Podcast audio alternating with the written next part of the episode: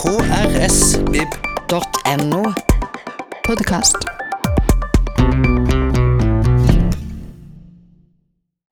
Mangfold i litteraturen er det vi skal ta opp i dag.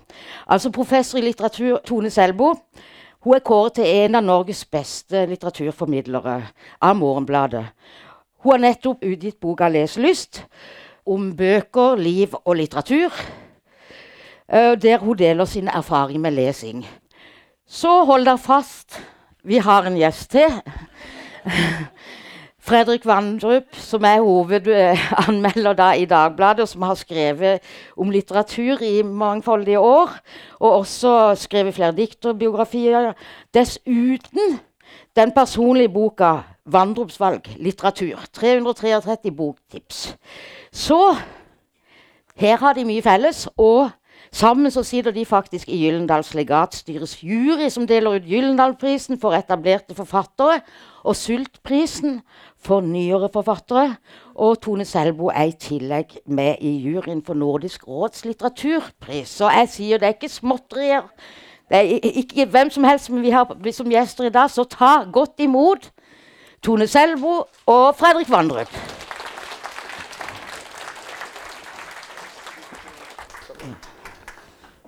Ja, jeg er liksom bare vant til å sitte på denne kanten. Nå håper jeg tror at alle har lyd og alt i orden. Noen fikk lyd litt for tidlig. Og, så, ja. Uh, jeg må bare røpe en liten detalj for dere, da. Det er første gang det er en premiere at jeg intervjuer Fredrik Vandrup på scenen. Bare så dere vet det. Uh, men vi skal ikke bli private av den grunn. Nei. Uh, OK. Spør om, mye, spør om mye rart ellers, da. ja, men altså, dere har jo da det fellesskap med, med, med leselyst og, og, og, leseglede. Men øh, Og da sitter i jury sammen og alt sånt. Men har dere også felles altså jeg vet jo, Nå blir jeg litt sånn på hjemmefronten. Hjemme hos oss er det en del bokstabler som jeg egentlig kunne tenkt meg at vi kunne fått ryddet. Har du det sånn hjemme hos deg? Mye bokstabler? Ja. Med mange bokstavler. Ja.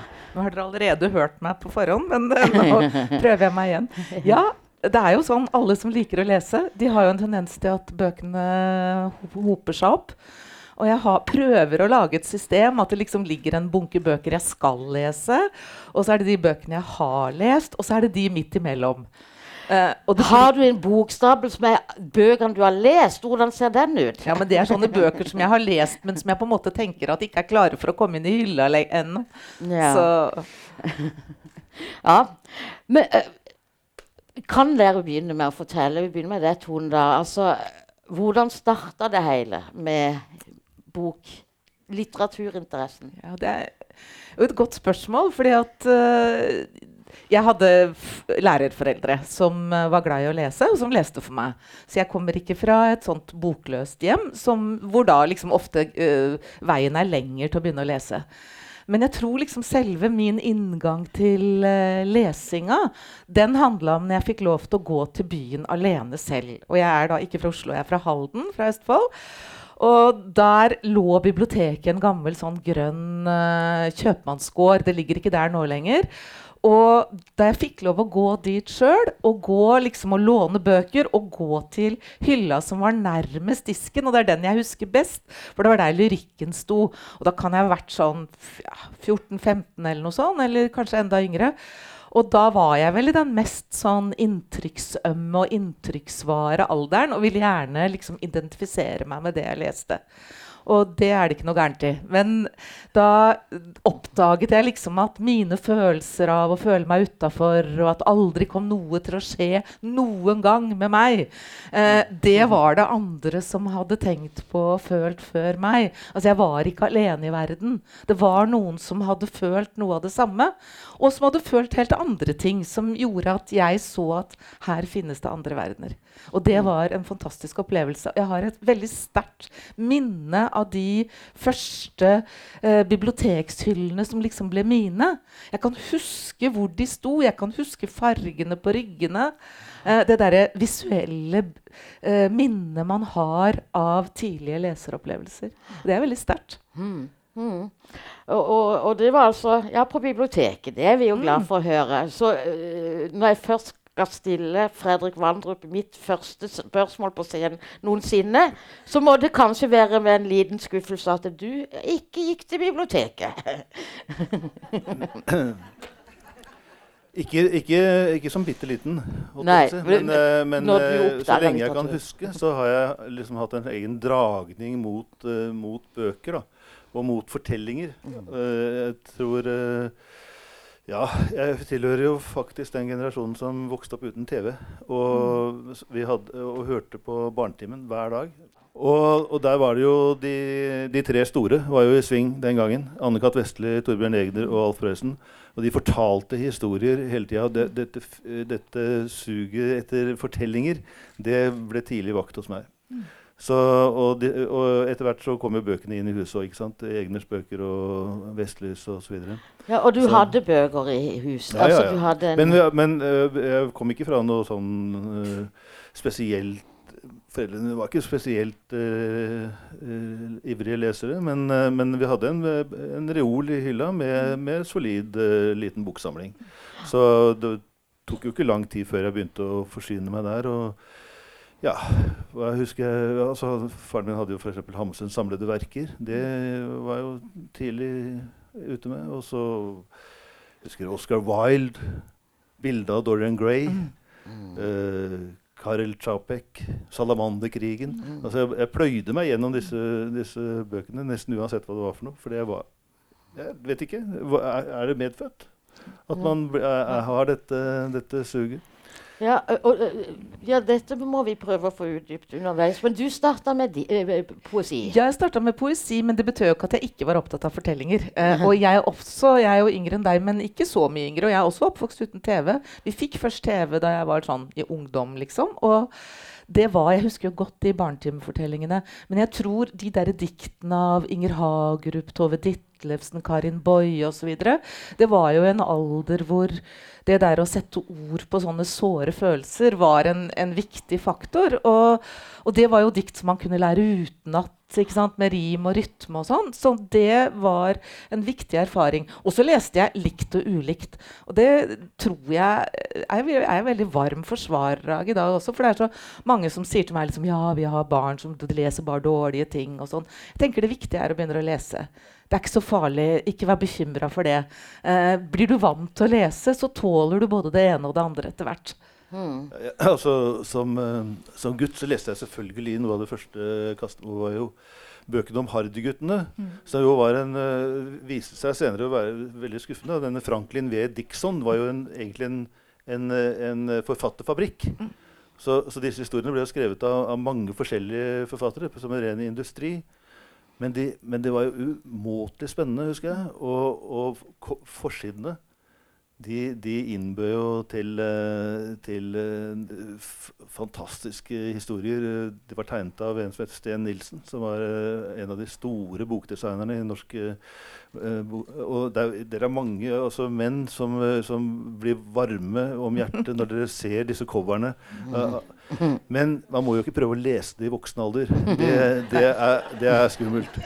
Men, men hvordan dette den, den, hvordan ble dratt inn i en verden på en eller annen, et eller annet sted på kysten av Amerika hvor det foregikk da de frykteligste ting og, og de skumleste forbrytere. En som prøvde å lese det om igjen, det var Ingvar Ambjørnsen. Han kom ned på hytta si, og så fant han en kasse med gamle Hardy-bøker. og Så begynte han å lese de, og så tenkte han 'hjelpe meg'. Eh, Har jeg lest dette som, som ung?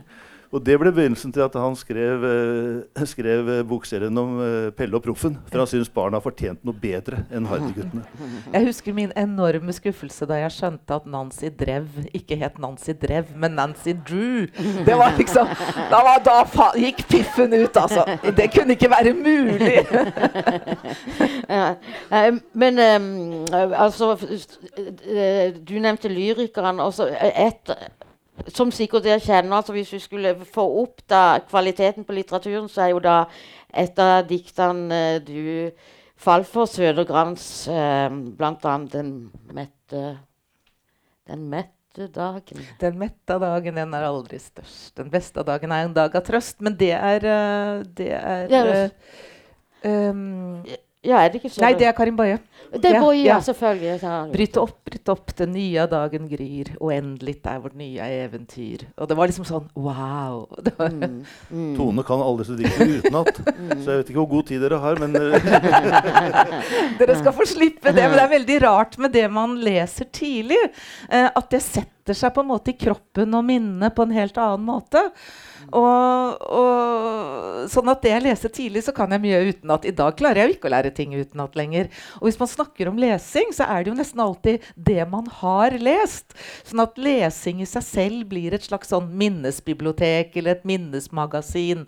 Som, Og vi har jo alle et slags sånt indre bibliotek òg, hvor vi liksom bærer med oss det vi har lest, og brokker og sitater og bilder osv. Og, og jeg husker ofte hvor på siden eh, noe sto. Eh, men jeg kan ikke huske liksom, hvor i boka. Men jeg bare har et sånn distinkt minne av akkurat der sto det og det. når jeg leter Samme her. Jeg har bladd veldig mye rundt og, for å se på et bestemt punkt i, i boka, men jeg husker ikke hvilken side det var. ikke sant? Men én ting til fra barndommen. Jeg tilhører jo også tegneseriegenerasjonen. Så der du leste lyrikk, så leste jeg tegneserier. Og, og, og jeg var jo så heldig å være den generasjonen som fikk ble forsynt med illustrerte klassikere. Som, eh, som kom ut uh, en gang i måneden med, med nye, nye Og det var, det var Dickens, det var Gilles Verne, det var Alexander Dumas, det var Shakespeare, det var Jack London. Alle disse her kom i tur og orden. Og de var ikke så dårlige som, eh, som, som, som mange ville ha det til. Det var, de, tekstene var faktisk hentet fra, fra bøkene, og det, det, det var ganske samvittighetsfullt gjengitt. eh, så fikk jo, fikk jo faktisk verdenslitteraturens historie inn, eh, inn gjennom, Ja, uh, gjennom ja. dette her, gratis. Og jeg tror det er det der å møte verdener som er, en, det er verdener som er helt andre enn det du selv er vant til og oppvokst i. At vi liksom blir sånn trent, eller vi skjønner plutselig at det lever andre mennesker andre steder som både har følt det samme som oss, men som også lever helt andre liv. Og det er jo en veldig sånn sterk ting. Jeg så sosialantropologen Thomas Hylland Eriksen han skrev et sted om skjønnlitteraturen at, at det er utrolig egentlig hvor likt mye er selv fra helt andre steder av verden. Ikke nødvendigvis de ytre faktorene, men liksom lengsler, drømmer, det man ønsker seg. Altså noen sånne fundamentale ting. Og at det kan være verdt å huske på, apropos mangfold, da, i en verden hvor vi ofte betoner liksom forskjeller mer enn likheter. Og at det er liksom oss, og vi er sånn, og så er det noen andre, og de er helt annerledes. De er kanskje ikke så annerledes. Jeg tenker ofte på litteratur som en form for liksom, Vi skal bruke et fint ord, da, et form for antropologi. For det, antropologi betyr jo menneskekunnskap. Og det er liksom sånn, det er jo menneskestudier i en eller annen forstand. Mm. Ja, og det er studier av helt andre mennesker enn deg selv. Ja. Altså mennesker i helt andre situasjoner. Og skulle man f.eks. prøve å sette seg inn i hvordan det er å være flyktning i vår tid, så kan man godt lese 'Utvandrere' av, av eh, William Moberg. Moberg. Mm. Og, og, og få, få noe av den samme følelsen som disse menneskene stakkars må ha. Og blir minnet på hvor kort tid det er siden at, uh, at det var en helt aktuell situasjon også her. Ja, Jeg tror, tror vi skal kanskje komme enda mer inn på det. Men altså, du, har kalt i din uh, bok da, lesing som stillhetens kunst, samtidig som det gir en forståelse at vi ikke er alene i, i, verden, og som dere nå akkurat har pratet om. Men um, alle de mulighetene som fins.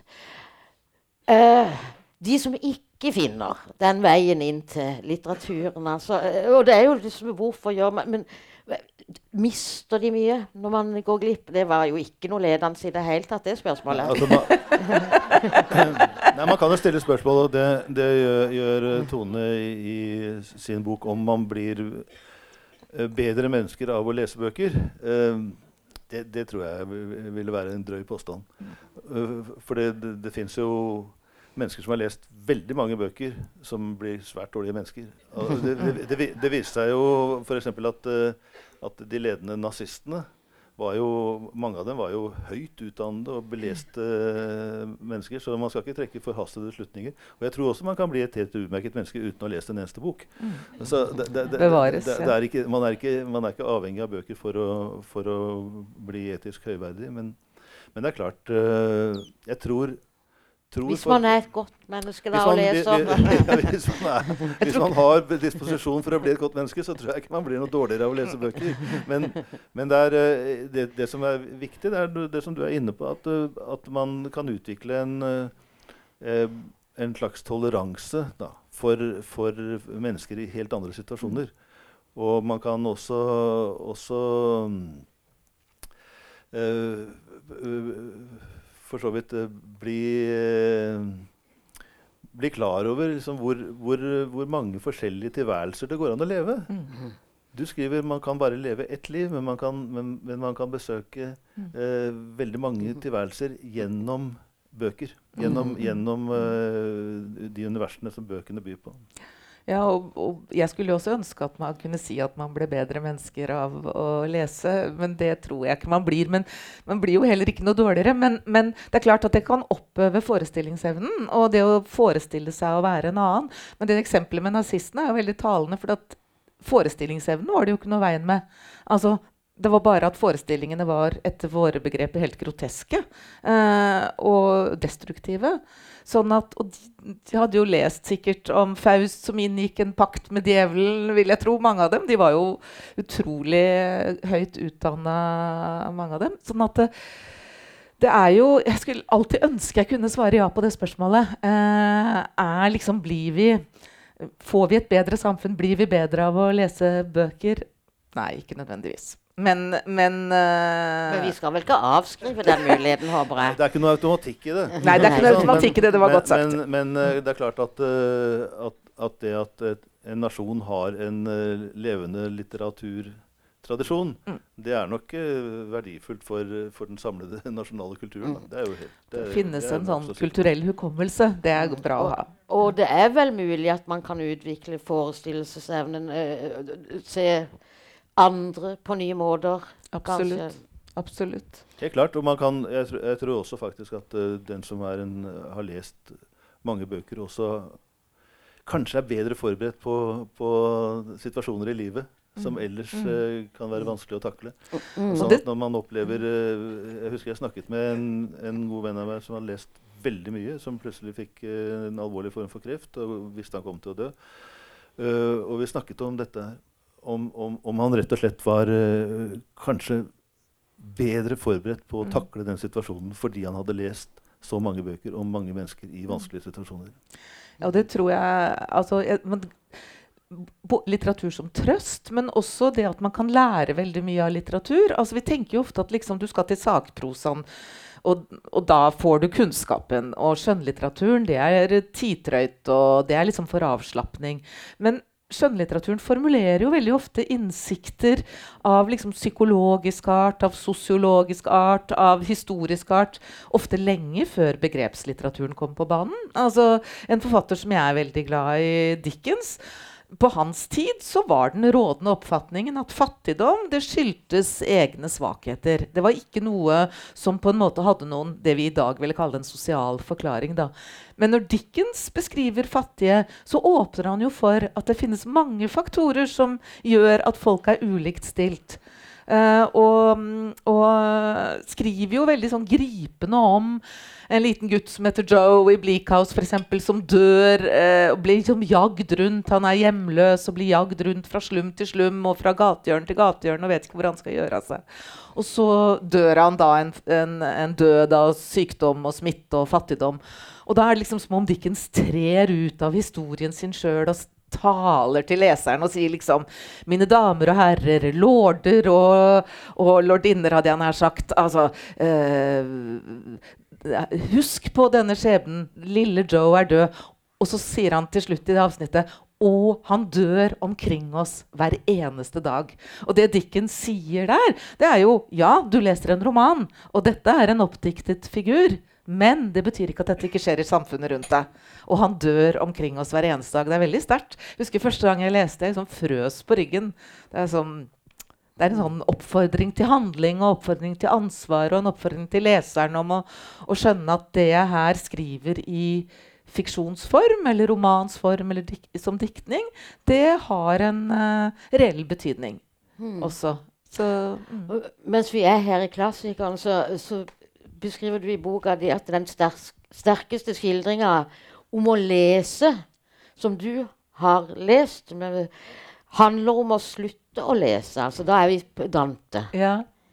Ja, Det er en veldig vakker uh, beskrivelse. Det er, noen, det er, når Dante kommer ned til helvete, og så møter han Vergil, som, som tar han rundt. da. Og så møter han Francesca, så, uh, som er da der de erotiske, de seksuelle synderne holder til. De har blitt straffa fordi de har uh, forbrutt seg, selvfølgelig vært utro og den slags. Og så forteller Francesca sin egen kjærlighetshistorie.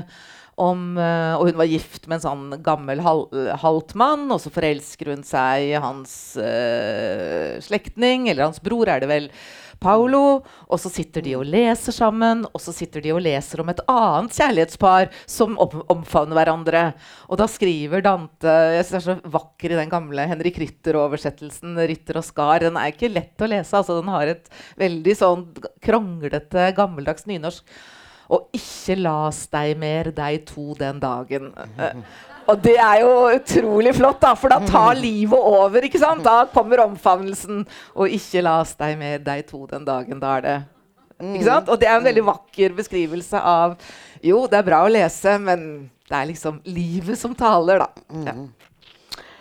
Og ja, livet Fredrik, du skriver i, i ditt etterord her på ja, den omtalte boka 333. anbefalinger at uh, når du er eh, hjemme på besøk hos noen så Det første du ser etter, er jo uh, da bokhylla. Hva kan ja. den speile? Ja, ikke sant? Noen sier jo at, at en, en, boksamling, hvor enn hvor liten den er, den er et slags speil av eierens sjel. Og, og, et lite bibliotek, det er, jo, det er jo på en måte da, talende for hva har man valgt å dra inn i huset, hva har man lest, og hva, hva, hva eh, Det kan jo være alt mulig rart. Det kan være eh, kokebøker eller hagebøker eller håndbøker eller selvhjelpsbøker. Men det kan også være en, en liten samling med skjønnlitterære verk. Og det, det vil jo alltid jeg tror nok det, det, man leser, setter preg på en. da, mm. Sånn at det blir en del av ens identitet. Mm. Så jeg blir litt skremt når jeg kommer inn i et, et hus hvor det ikke fins en eneste bok. tenker jeg, dette, Det blir litt sånn sjelløst på en måte. Man har ingen, man har ingen um, man har ingen åndelige vinduer, hvis man skal være litt uh, pompøs her. Kan jo hende man låner bøker, da. ja, det kan hende at det, det, er folk som da har valgt å låne alle bøkene sine på biblioteket. La oss håpe det. Men, men, jeg er alltid nysgjerrig, da. Og så er jeg veldig nysgjerrig. Har de noen bøker som jeg ikke har, og er det noe jeg burde merke meg her? Og enkelte ganger kan det være at man kommer på sporet av noe, faktisk, gjennom å studere andre menneskers uh, bokhyller. Har du blitt skuffa mange ganger? Trodde det var ålreite mennesker, så kommer du inn og ser bokhylla. ja, nei det de fleste mennesker jeg kjenner, har, ganske, har, har fyldige bokhyller. Vi snakker vel i en forsamling hvor uh, folk allerede leser, ellers hadde de neppe vært her. Sånn at, uh, sånn at uh, Men igjen, det betyr ikke at er, folk er ikke dårlige mennesker fordi de ikke har bøker hjemme. Men mm. noe av gleden med å komme på biblioteker syns jeg jo er med åpne hyller, det er jo at man er ute etter en bok, og så er det jo noen som har kategorisert og sortert og ryddet bøker. Og så går man f.eks. til en bestemt type kategori bøker og er ute etter en bok, og så står det en annen ved siden av. Og så er det bare en tittel som frister, eller den ser uh, forlokkende ut. Og så tar, drar man den ut av hylla, og så kommer man over noe man eller, ellers aldri ville kommet over. Og i det hele tatt, Biblioteker er jo en sånn gullgruve på den måten. Men det er jo interessant at kategoriene liksom både åpner og stenger. Tenk på sånn, La oss si ja, Robinson Crusoe, f.eks. Er det reiseskildring? Er det en satire over England på 1700-tallet? Er det en uh, politisk roman? En sosial roman? Er det en uh, postkolonial roman? Altså, det er jo litt avhengig av hvor man finner den. da. Um, sånn at uh, kategorier er jo heller ikke uskyldige ting. Mm. Og du vier jo litt plass også i etterår da, til antikvariater. Der er det ja, Antikvariatene er jo på en måte kulturbærere. De, de, de er standhaftige, standhaftige voktere av bokskattene våre, som, som heldigvis fortsatt er tilgjengelige. Da. Fordi mange av dem har jo, har jo vært nødt til å stenge butikkene sine for eksempel, og operere bare på nett fordi at det, interessen for, eh, for, bøker er jo blitt, uh, blitt, mindre i den digitaliserte tidsalderen som vi lever i. Mm. Men det fins altså nesten, nesten, alle bøker som du er på jakt etter. De mm. fins hvis du leter lenge nok. Mm. Og det er takket være anti, antikvarene, som er uh, fantastiske mennesker. Jeg har truffet veldig mange flotte folk. Ja, Du siterer din uh, venn uh, Odd Noreger i Stavanger, som har antikvariat, som sier at enhver bok har en kjøper, bare den får stå i hyllene lenge nok. Ja, ja han, han had, og han viste meg et eksempel. Han hadde en bok om, uh, om såpebobler, om deres oppbygning og deres fysikk, og, og forskning rundt såpebobler, som, som, han sa det kommer nok til å bli kjøpt. Ja, jeg tar den med en gang. Jeg, den, den, står i våre hyller, ja. Det kan jeg love. Men det er jo så fantastisk. Så den har jeg hjemme i hylla, da. Fantastisk. Men det er jo så fantastisk når man finner brukte bøker, så finner man jo spor av tidligere lesere. Så man kjøper på, Eller man liksom får del i noen lesererfaringer, og så finner man plutselig et postkort inni. og og, og, så er det merker, og så er det dedikasjoner. og liten hilsen eller en ex libris. Ja. Eller altså sånne, sånne, spor. Mm. Kulturelle spor som, mm. uh, som uh, ligger der. Så uh, den ultimate samleren kan vi se i klassikeren 'Den bokgale', som du nevner her. I, ja. en, en novelle av Charles de er, ja.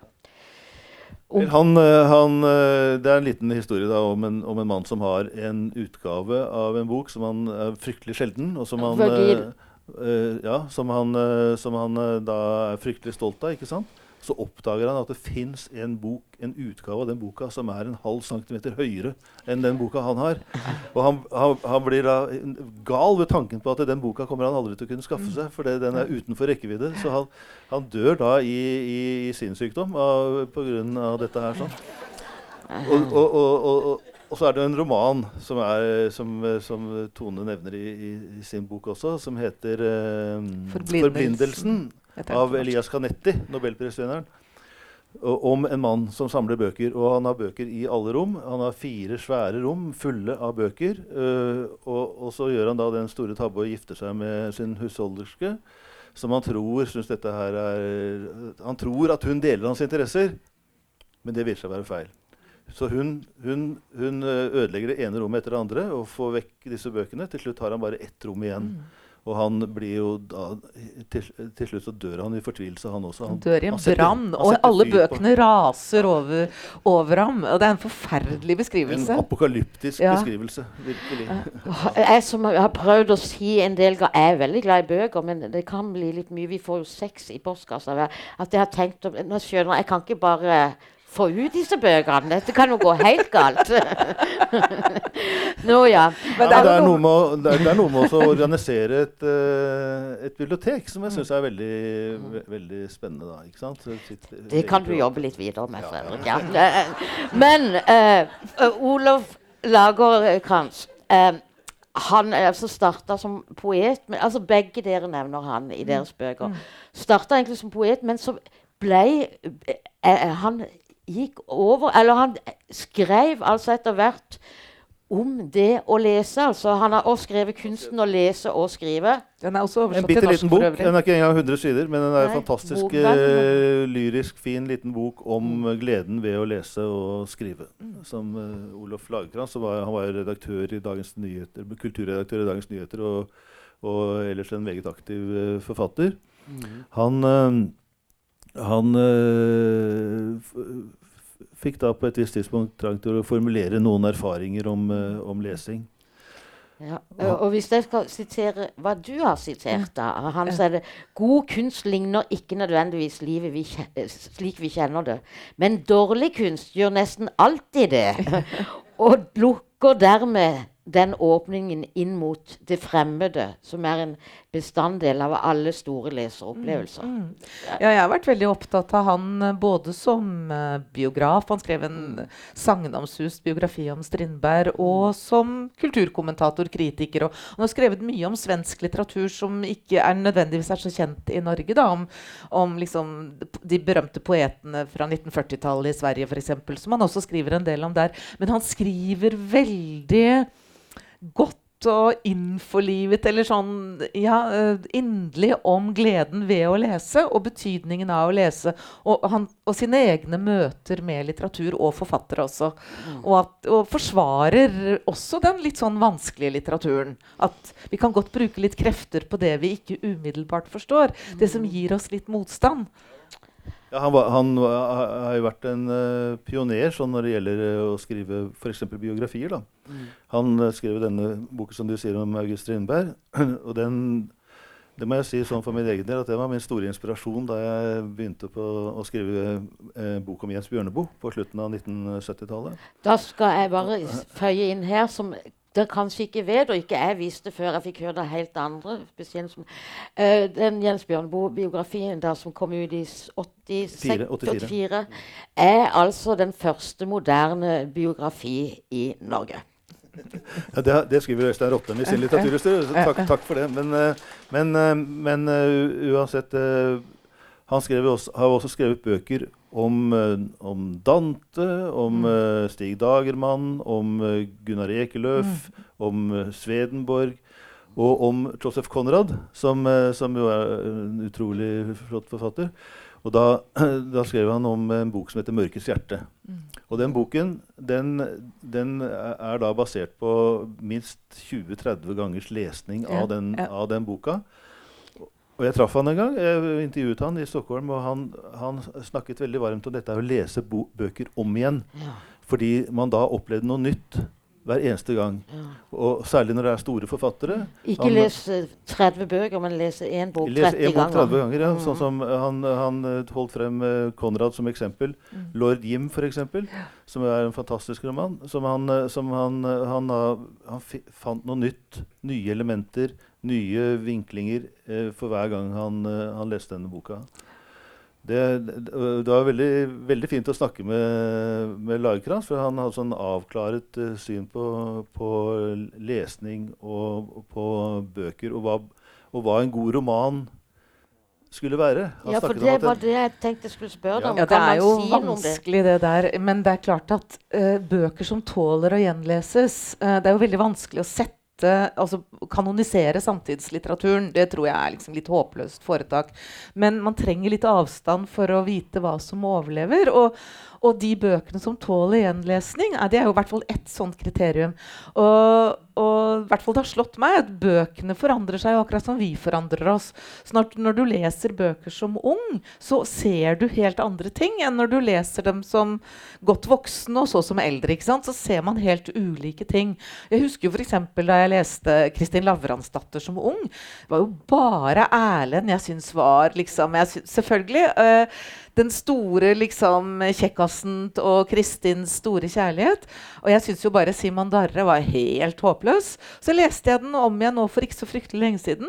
Og det slo meg at Simon Darre er jo en hederlig, solid, lojal mann. Altså Han er jo en sånn som man oppfører seg sånn som man ønsker at folk skal oppføre seg. Og blir jo da ikke belønnet for det i det hele tatt. Og han en, fikk en helt annen plass i min bevissthet da jeg leste, det, leste om han nå. Og leste f.eks. En forfatter som Karen Blixen, som jeg har arbeidet mye med opp gjennom livet jeg husker jeg leste en novelle av henne som heter en, en av vintereventyrene som heter 'Alkmene'. Uh, hennes eneste, et hennes eneste fortelling som er i jeg-form for øvrig. Og Alkmene ple blir pleiedatter hos et uh, prestepar på landet. Og Gjertrud, moren der, hun er liksom litt voldsom. Alkmene får mot henne etter hvert. Og jeg var jo helt på Alkmenes parti. liksom Hun fikk ikke utfolde seg osv. Mens Gjertrud så jeg vel omtrent ikke da jeg leste henne. Og Gjertrud var da barnløs og ønsket seg barn. Og hun, det står veldig sterkt det står om henne at, hun, at det var som Rakel i Det gamle testamentet. Gi meg barn, ellers dør jeg. Og da jeg kom i den alderen sjøl, hvor jeg plutselig kjente behovet for å få barn, og skjønte at jeg kanskje ikke kom til å få barn, så, så, så jeg jo, leste jeg jo den teksten på en helt annen måte. Da så jeg Gjertruds smerte ikke sant? og opplevde den på kroppen på en helt annen måte. Jeg hadde ikke engang lagt merke til det da jeg leste den som ung. Det var bare Alkmenes skjebne, skjebne, den unge jenta. Og det er veldig interessant at god litteratur gir oss liksom ulik resonansbunn avhengig av hvilket punkt vi er i i livet. Og det betyr ikke at man behøver å ha en type sånn helt enkel identifikasjon. At man liksom tenker 'jeg er som henne'. Men det er den derre klangbunnen mm. som utvider liksom refleksjonsrommet, da. Men, men, det du også kommenterer i forhold til eh, Lagerkrantz, eh, som sier altså en, eh, dette med at en god bok står seg, så kommenterer du jo også at da, jo, da utelukker man jo nærmest samtidslitteraturen, for den eh, er jo Ja, han syns jo vel strengt tatt at man altså Nå snakker han jo for så vidt noe om samtidslitteratur også, men, men han er jo en um, han er jo en forsvarer av klassikerne på litteraturens vegne. Og det har jeg stor sans for. Men det er klart at han har jo et litt kanskje mer nedlatende forhold til uh, å beskjeftige seg liksom med samtidslitteraturen enn jeg har lyst til å på en måte uh, ha, da. Uh, og, og, populærkultur, som, og jeg, populærkultur, som jeg har vært generelt. veldig opptatt av. da, for så vidt. Ja. Men, men, men, det som han sier, som jeg, som jeg syns er veldig fint eller, Man skal jo apropos dette du sier nå, huske at, eh, at uh, alle klassikere har jo også vært nye en gang. Selvfølgelig. Så, så det, det, tar jo litt tid å bli en klassiker. Men, men det, det, det, er noe med at han, Det han uh, sa da, da, jeg intervjuet han, husker jeg, at, at bøkene de blir som gode venner. Du, du, du har dem rundt deg, og de er som gode venner. Og så sa han noe annet òg. Han sa at bøkene er slags, eh, et slags uh, rolig punkt i en kaotisk verden. Mm. Et punkt av ro. En have i en villmark, husker. Han, Å, det er veldig vakkert. Og, og det, det, dette kom jeg, jeg brukte han i en debatt jeg satte i gang en gang i Dagbladet tidlig på 1990-tallet, da alle skrev uh, veldig sånne eksperimentelle og, og ganske høytflygende romaner, syns jeg, da, ikke sant? Som, som, snarere speilte kaos enn å lede ut av kaos. Altså Hvis du tenker tenker at tilværelsen er kaotisk, så, så, så, så, klarte disse romanene selvfølgelig å speile, speile den, den, kaotiske stemningen. Men de, de ledet ikke noen, noe sted. De ledet ikke inn i en, en stemning av av uh, avsluttethet. Men det er jo interessant. Eh, det du sier der. fordi Jeg blir ofte spurt om nå eh, Hva med ungdom? Liksom, de, er de noe interessert i å lese? altså Har de tilstrekkelig kon konsentrasjon til å lese en, en større bok osv.? Jeg underviser jo i litteratur og omgås jo mye unge mennesker hele tiden. Og det er klart De som kommer for å studere litteratur på universitetet, de er jo interessert i litteratur. Men de er også interessert i film, og de er interessert i tegneserier, og de er interessert i grafiske romaner, og de er interessert i veldig mye forskjellig. Men, og jeg er jo stadig utsatt for sånn, hva skal man skal si, press når det gjelder å liksom, fornye undervisningen. Og sånn, og da går det nesten alltid på teknologiske løsninger. Altså ta med mobiltelefonen inn i klasserom og øh, lage sånne raske tilbakemeldinger og sånn. Og jeg gjør ikke det. Og jeg har aldri opplevd noen gang at studenter har etterlyst liksom, at jeg skal bli mer teknologisk i undervisningen. Tvert imot så opplever jeg at den samtalen om litteratur som man kan ha i et seminarrom eller et klasserom uh, om bøker, det er en hvile fra det oppstykka og nokså sånn ukonsentrerte tilværelsen ellers, eller den kaotiske tilværelsen. Da, at bøkene, altså den sammenhengende både samtalen og lesingen, at det blir et sånt punkt av ro eh, i en ellers eh, nokså sånn konsentrasjonsfattig tilværelse. Da. Og det, altså Unge menneskers møte med litteratur tror jeg er like sterkt i dag som uh, det alltid har vært. Det er bare det at litteraturen er, har liksom konkurranse uh, fra mange andre uh, partnere i dag. Så, så, de som er interessert i å lese, de er, er, jo ikke bare interessert i å lese, de er interessert i som regel veldig mange andre kulturuttrykk også. Og det altså på mange måter har jo Den moderne TV-serien er, er, jo selvfølgelig et, eh, en slags litteraturerstatning. Eh, og spillene også. Og sp vet, nå kan jeg veldig lite om, om spill, men jeg innbiller meg at de også på en måte har en slags sånn episk eh, dimensjon. da, At de Ja, forteller er jo en historie. ikke sant? ikke sant? Ja. Så, så, så man, eh, menneskets behov for fortellinger det vil jo selvfølgelig ta forskjellige uttrykk.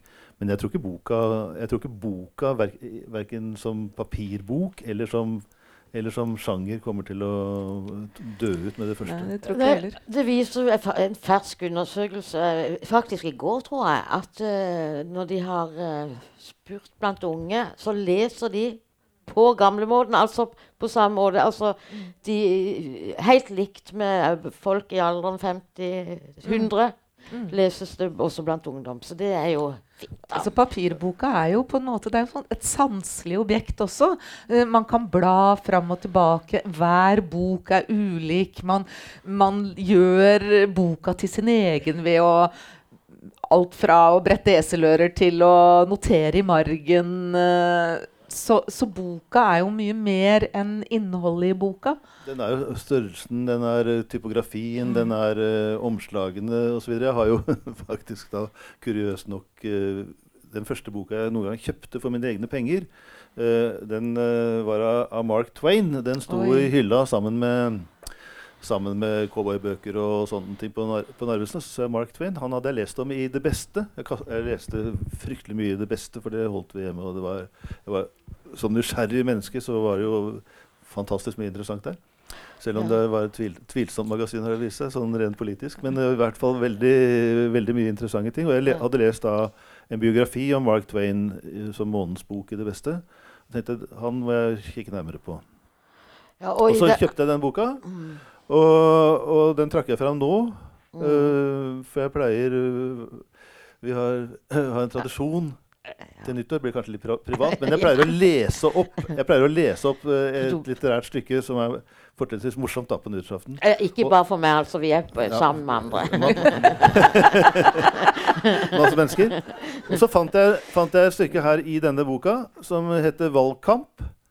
Og det var akkurat som å gå rett inn i vår trumpifiserte verden med bakvaskelser og fake news og, Mm. og løgner, og, som, som, som da Mark Twain parodi parodierer i, på 1870-tallet. Ja, utrolig nok. Og som vi, da vi hadde besøk her eh, forrige fredag, Terje eh, Nordby, ja. Nordby, og, og, og altså Sokrates' forsvarstale, som også går rett inn i fake news og alternative sannheter i sin søken etter sannhet.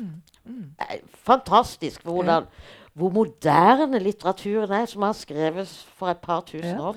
Man snakker jo så ofte om å, aktualitet og relevans og de tingene der. Og faren er jo at hvis man blir for opptatt av at det liksom skal være aktuelt, så skal jo liksom vår tid være målestokk for alt som er interessant. Det er jo et veldig sånn begrensende syn på fortiden. Men samtidig så oppdager man jo at hvis man retter blikket bakover, så er det jo veldig mye som er både aktuelt og relevant, men liksom på, selvfølgelig på en litt annen måte, men at det på en måte utvider nettopp, eller det beriker eh, opplevelsen eller fortolkningen av det samfunnet vi ser rundt oss nå. Altså Hvis du skal liksom lære noe om penger, så kan du jo altså han eh, Økonomen Thomas Piketty, han med den svære verket 'Kapitalene det 21. århundre' Ikke det at jeg har lest hele det, men jeg bladde i Det åpningen fins en der. tegneserieutgave av det. Ja, det er godt å høre. Da, og da skriver han, og det er jo en, selvfølgelig en sånn gavepakke til en litteraturforsker, da, for å høre det, så skriver han at skal du skjønne noe av verdifordeling og hvordan velstand eh, forvaltes og viderebringes fra generasjon til generasjon i en viss fase på 1800-tallet, så skal du ikke gå til statistisk analyse eller økonomisk teori, men du skal gå til romaner av Balzac og Jane Austen. For der får du se akkurat F.eks. ekteskapets betydning for verdiskapning, og hvilke allianser som inngås, og som er tilsynelatende private, men som har forgreininger ute i det offentlige osv. Vi kan jo, altså, Kielland leste den 'Gift Fortuna sankthansfest'. Gift er helt klart den beste av de, den trilogien. Men Fortuna det er aksjemarkedets fall. Og hele, hele liksom skildringen av Løvdahl som står med liksom aksjer som flagrer rundt han, og alt Alt synker, ikke sant? Det er konkursen. Det er øh, altså en fantastisk beskrivelse av moderne kapitalisme. Mm. Og det er jo bare ett eksempel. Det finnes mange andre. Men hvis en ser på en annen av de vesentlige eh, samfunnsspørsmålene nå, eh, eller det, det aller viktigste vil det vel etter hvert vise seg, nemlig miljøspørsmålet. Mm. Altså, vi har jo Maja Lunde nå, for, som skriver og sånn, men er dette Er dette oppe blant klassikerne? Jeg må innrømme at jeg spurte Fredrik, og han kunne ikke egentlig Altså, sånn umiddelbart Jeg leste en interessant bok her i, i fjor høst, som var skrevet av uh, en uh, forsker i Tromsø, som du sikkert har vært borti, som heter Henning Hovlid Werp, Ja, som, uh, som har skrevet en, en bok om Hamsun. ja. Og, og den var befriende bl.a. fordi at den ikke var på jakt etter eh, jødehat og nazisme i Hamsuns verk, men snarere tvert imot så var den på jakt etter å finne, finne eh, hvordan naturkjærligheten i Hamsuns bøker på et vis kan tolkes som, en, som et forsvar for økologi og, og miljøverntenking. Veldig interessant. Og, og, og på en måte overbevisende også. Altså, du kan finne du kan finne ting i fortidas verk som peker direkte fram til, til vår Ja, tid. det er jo et stort klart. forskningsspørsmål som jeg, jeg er jo ikke noe spesialist på det, men det er noe som heter økokritikk, som flere av mine kolleger er opptatt av nå, bl.a. Henning Werp. økopolitisk Og det er nettopp et sånn eh, hvor man ser på mye av fortidens uh, litteratur, og ser på både naturbeskrivelser, men også, også formuleringer rundt liksom bevaring og vern. Og, og, og der tror jeg man kan finne mye. Men det er klart at miljøtrusselen er jo akutt på en måte i dag, som den ik ikke har vært tidligere. Og mange av dagens forfattere er jo direkte opptatt av det. Altså Også i ungdomslitteraturen tror jeg er et sted man ofte kan gå for å finne den type formulerer, eh, problemer formulert. Altså Simon Stranger, som nå eh, har veldig eh, medvind med sin siste roman. Han har skrevet en eh, ungdom, veldig fin ungdomsroman som heter jeg tror den heter 'Verdensredderne'. Og Det er om en ung jente som vil redde verden, og som er i opposisjon til foreldrene sine, og som handler om miljøaktivisme blant ungdom. da. Um, og den har jeg hatt veldig sånn glede av og suksess med å gi til, til barn og unge, som blir veldig opptatt av den.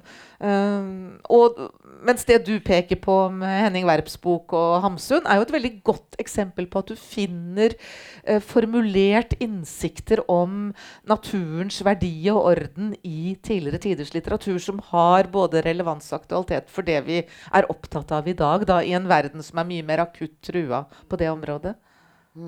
Så, mm, og naturlyrikken også er et sted man kan gå og finne det. Ehm, ja, hvis vi skal også se på en annen uh, vesentlig ting som blir uh, politisk tatt opp på både dårligere og gode måter, det handler jo om flyktningproblematikken. Det er vel også et nyere, et, et nyere tema i litteraturen, eller? Ja, ikke bare, da. Som, som nevnt, eh, den, denne eh, utvandrerlitteraturen eh, handler jo i høyeste grad om den gangen vi i Norge og Sverige og Danmark var, var flyktninger, på et vis. da. Ja. Du må jo kunne kalle den utvandringen for en slags fluktbølge også. Og hele fluktmotivet er jo viktig i litteratur til alle tider. Odysseus måtte jo ut på en lang reise før han kom hjem igjen. Krig, ødeleggelse, elendighet. Det finner du jo i litteraturen. du snakker om å seile på Middelhavet. Ja, du snakker om å seile på Middelhavet. Ja, og det er ti, ti års.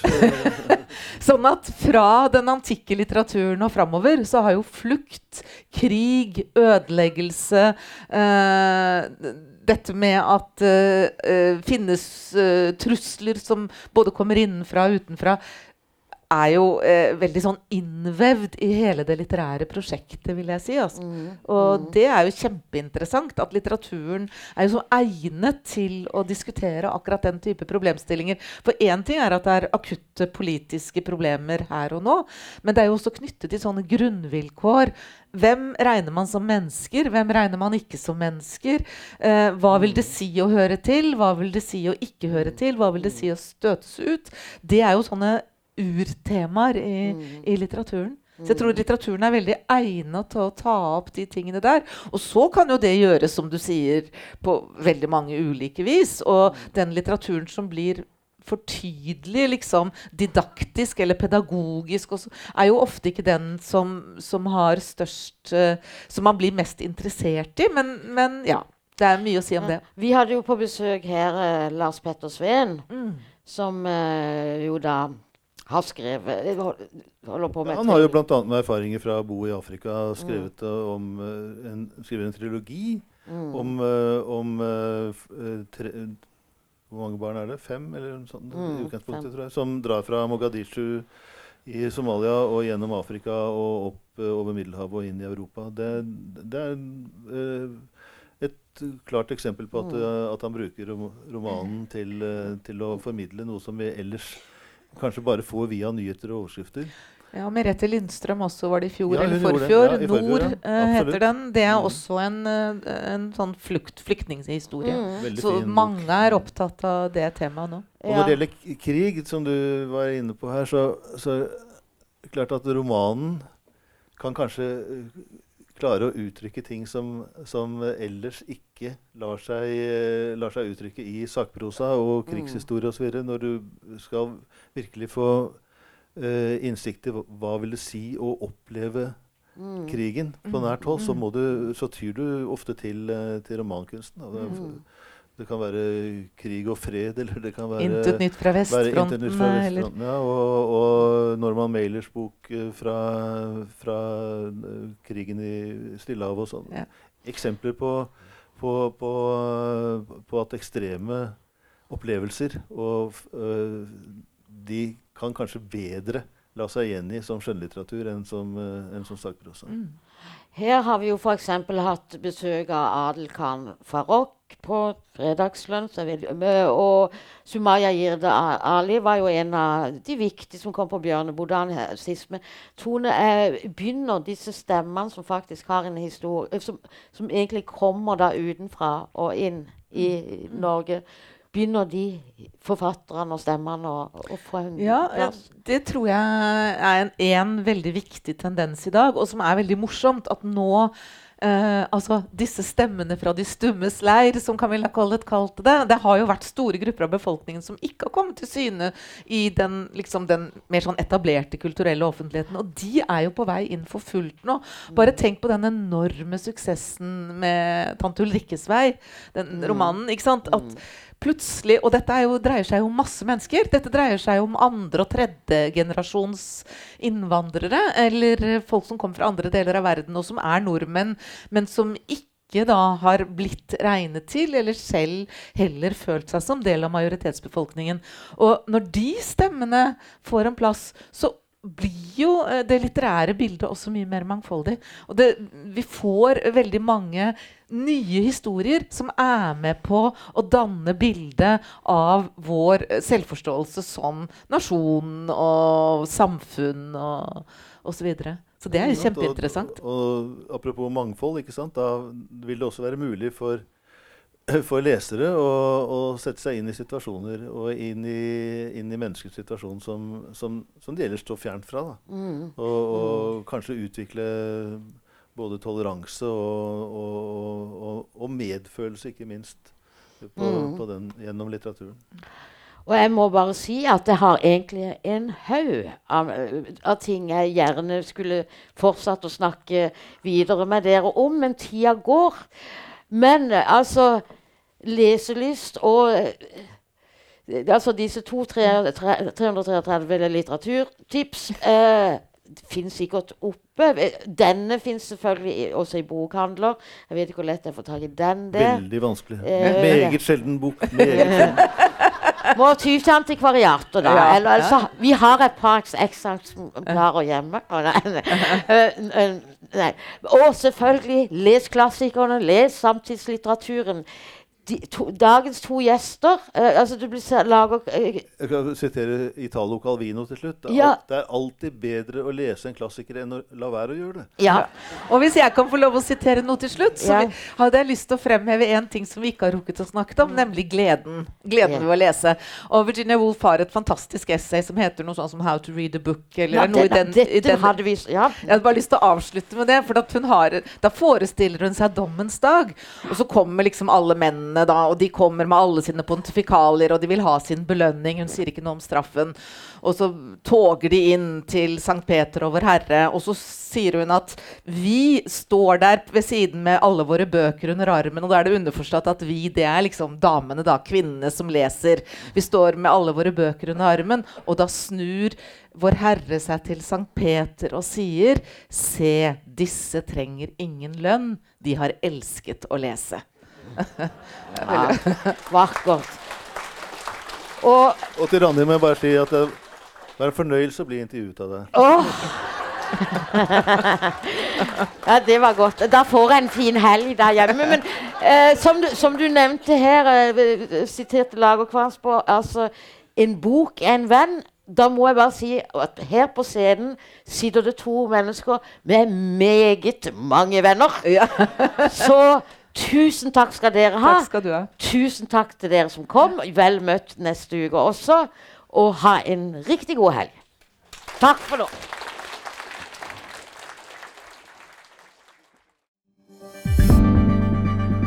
Flere podkaster fra oss finner du på Google Podkast, Apple Podkast eller iTunes, eller ved å stikke innom vår hjemmeside på krsbib.no. krsbib.no Podkast.